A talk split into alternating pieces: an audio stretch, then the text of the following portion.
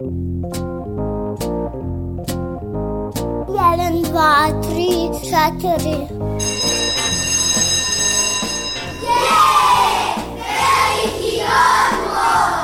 Emisija o obrazovanju i vaspitanju. E, Kad neka vaspitačica kaže da je veliki odmor, onda nešto radite. Jedeš, treniraš, skačeš, julješ se, eto, i tako. Slušate veliki odmor. Veliki odmor.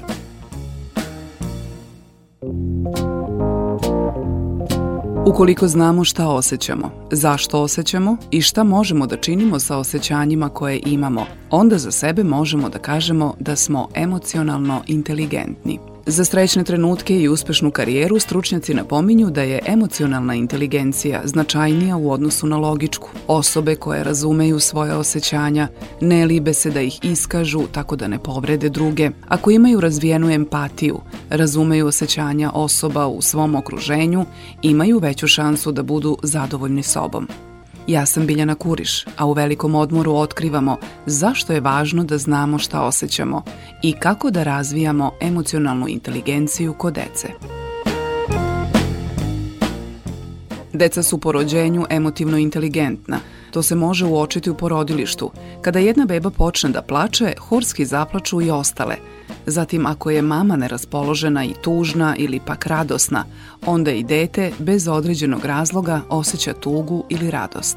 Međutim, kod dece se odrastanjem primećuje nedostatak saosećanja, nepokazivanje osjećanja na pravilan način i to je, kažu stručnjaci, posledica uskraćivanja pojedinih emocija, najčešće neprijatnih. I zato danas neretko primećujemo da je deci lakše da svog drugara gurne, udari, da se namršti i da isto tako sukobe u mišljenju rešavaju tučom ili zlostavljanjem svojih neistomišljenika. O tome šta je zapravo emocionalna inteligencija, kako je negovati u odrastanju i zašto je važno da se detetu ne uskraćuju i one neprijatne, saznaćemo od psihologa i art psihoterapeuta Biljane Rašković-Živković. Slušate veliki odmor. To je zapravo, kako bi se reklo, biti pametan u vezi emocija. A to u praksi znači da ja sam sposobna da prepoznam da osjećam nešto što osjećam, da kada to osjećam znam to na neki način adekvatan da pokažem, ispoljim, znači ako sam tužna neću to da potiskujem nego ću da plačem i da znam zašto sam tužna i na kraju da ako sam ja tužna to ne moram da povezujem s drugim ljudima i da to na njih nekako usmeravam, nego da prosto razrešim to sa sobom.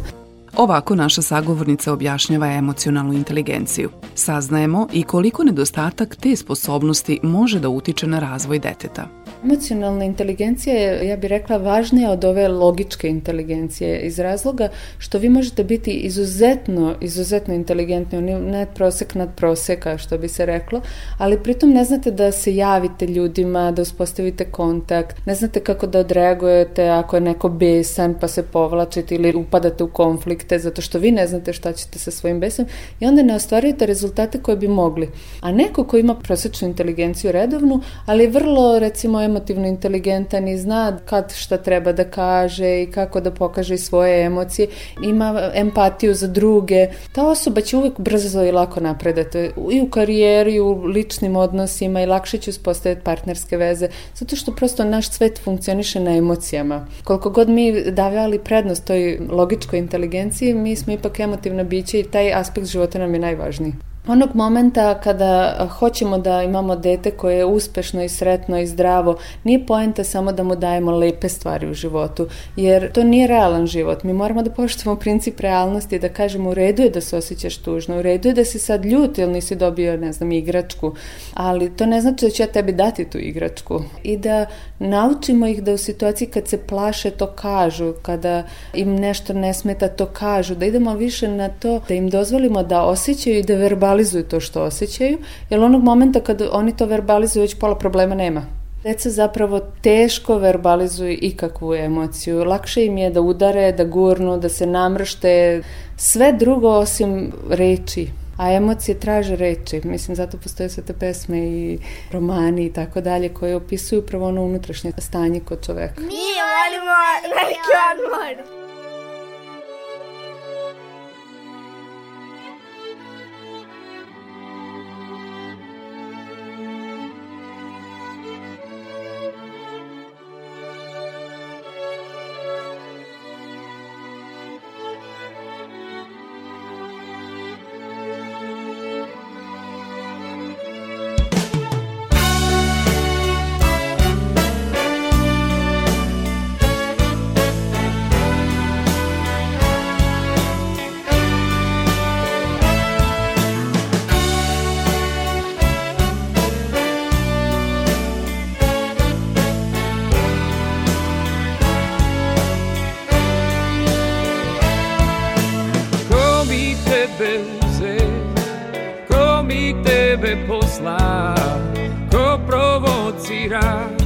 Naše suze Svaki put kad bi došla meni mozak brani.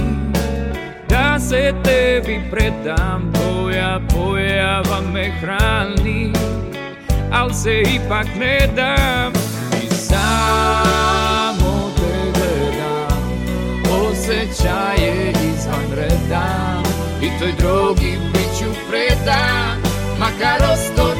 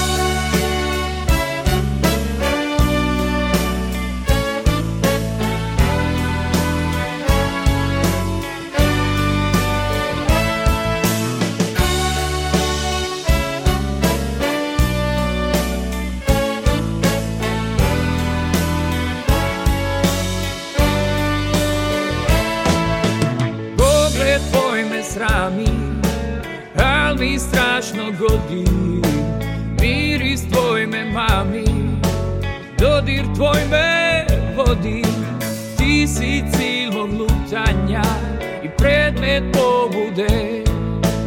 Razlog mog drhtanja Boja moje požude I dok tonem u san U mraku čujem tvoj glas. Na jastuku stiskam tvoj glas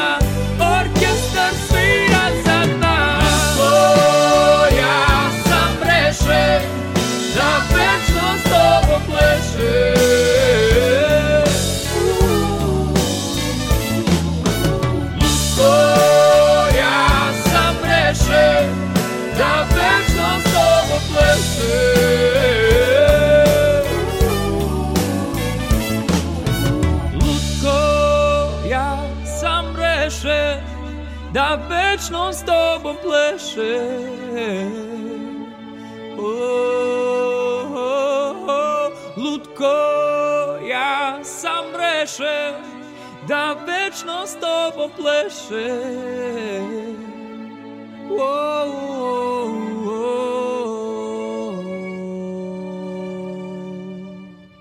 Vi slušate Veliki Emocionalna inteligencija bitno utiče na to kako se ponašamo. Psiholog Biljana Rašković-Živković ističe da je izuzetno važno da se deci od najranijeg uzrasta dozvoli ispoljavanje emocija, da se osposobe da ih razumeju i na kraju da emocijama ne povređuju druge. Česti su slučajevi da roditelji deci predstavljaju samo prijatniji deo emocionalnog života, dok za one druge bivaju uskraćeni do te mere da kada se i pojave ne umeju da ih opišu. Deca koja ne nauče da se emocionalno ispoljavaju, odnosno kod kojih nije dovoljno razvijena emocionalna inteligencija, ali mislim mi svakako se rodimo sa određenim potencijalom, to stoji, kao i kod logičke inteligencije. Ali onda ono što nadograđujemo je isto kao i kod logičke, zavisno od toga koliko se radi na tome, koliko se stimuliše, koliko se dalje usvaja. Znači veći deo je zapravo rad na tome šta smo dobili. E sad, ako to se ne, ne neguje dovoljno, to je kao da ne zalivate cvet ili drvo pa ono ne raste, ostane malo zakržljalo i tako.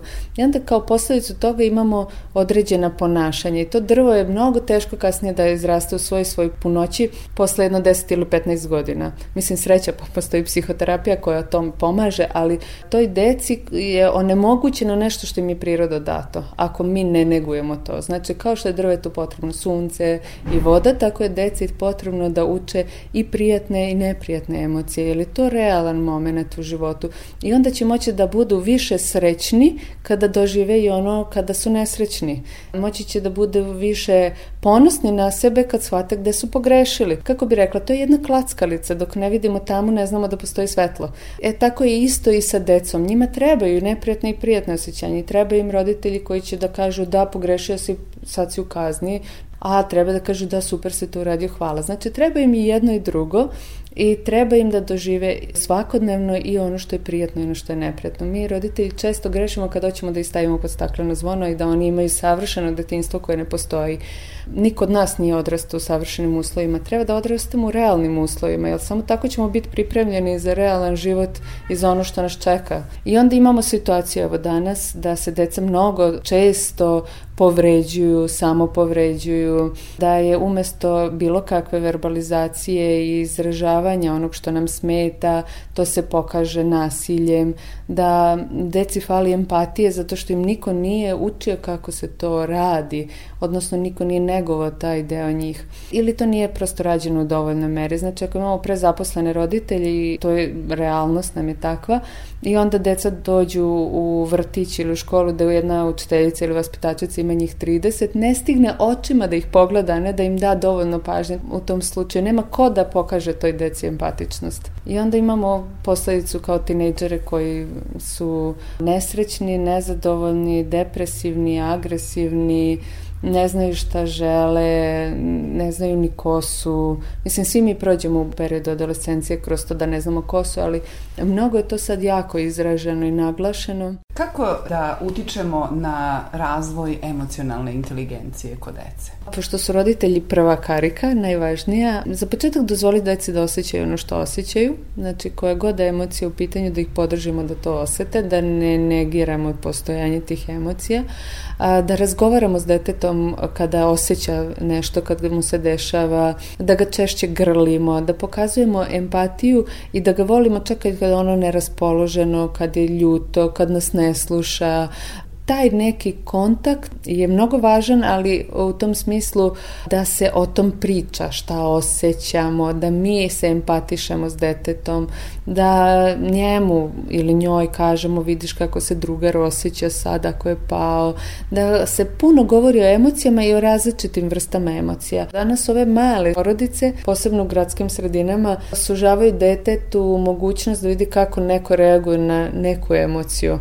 Ja se sećam iz svog detinstva da je to bilo sjajno, Nisam, nisu živeli s nama bake i deke, ali oni su bili potpuno različit svet od onog što su bili mama i tata. Kod njih se osjećalo, to se pričalo, baka znala da plače, da kažem skoro pa čista mira, ali meni je to tad bilo jako značajno da vidim da se emocija može slobodno izraziti i da to u redu i da tu se niko ne povredi.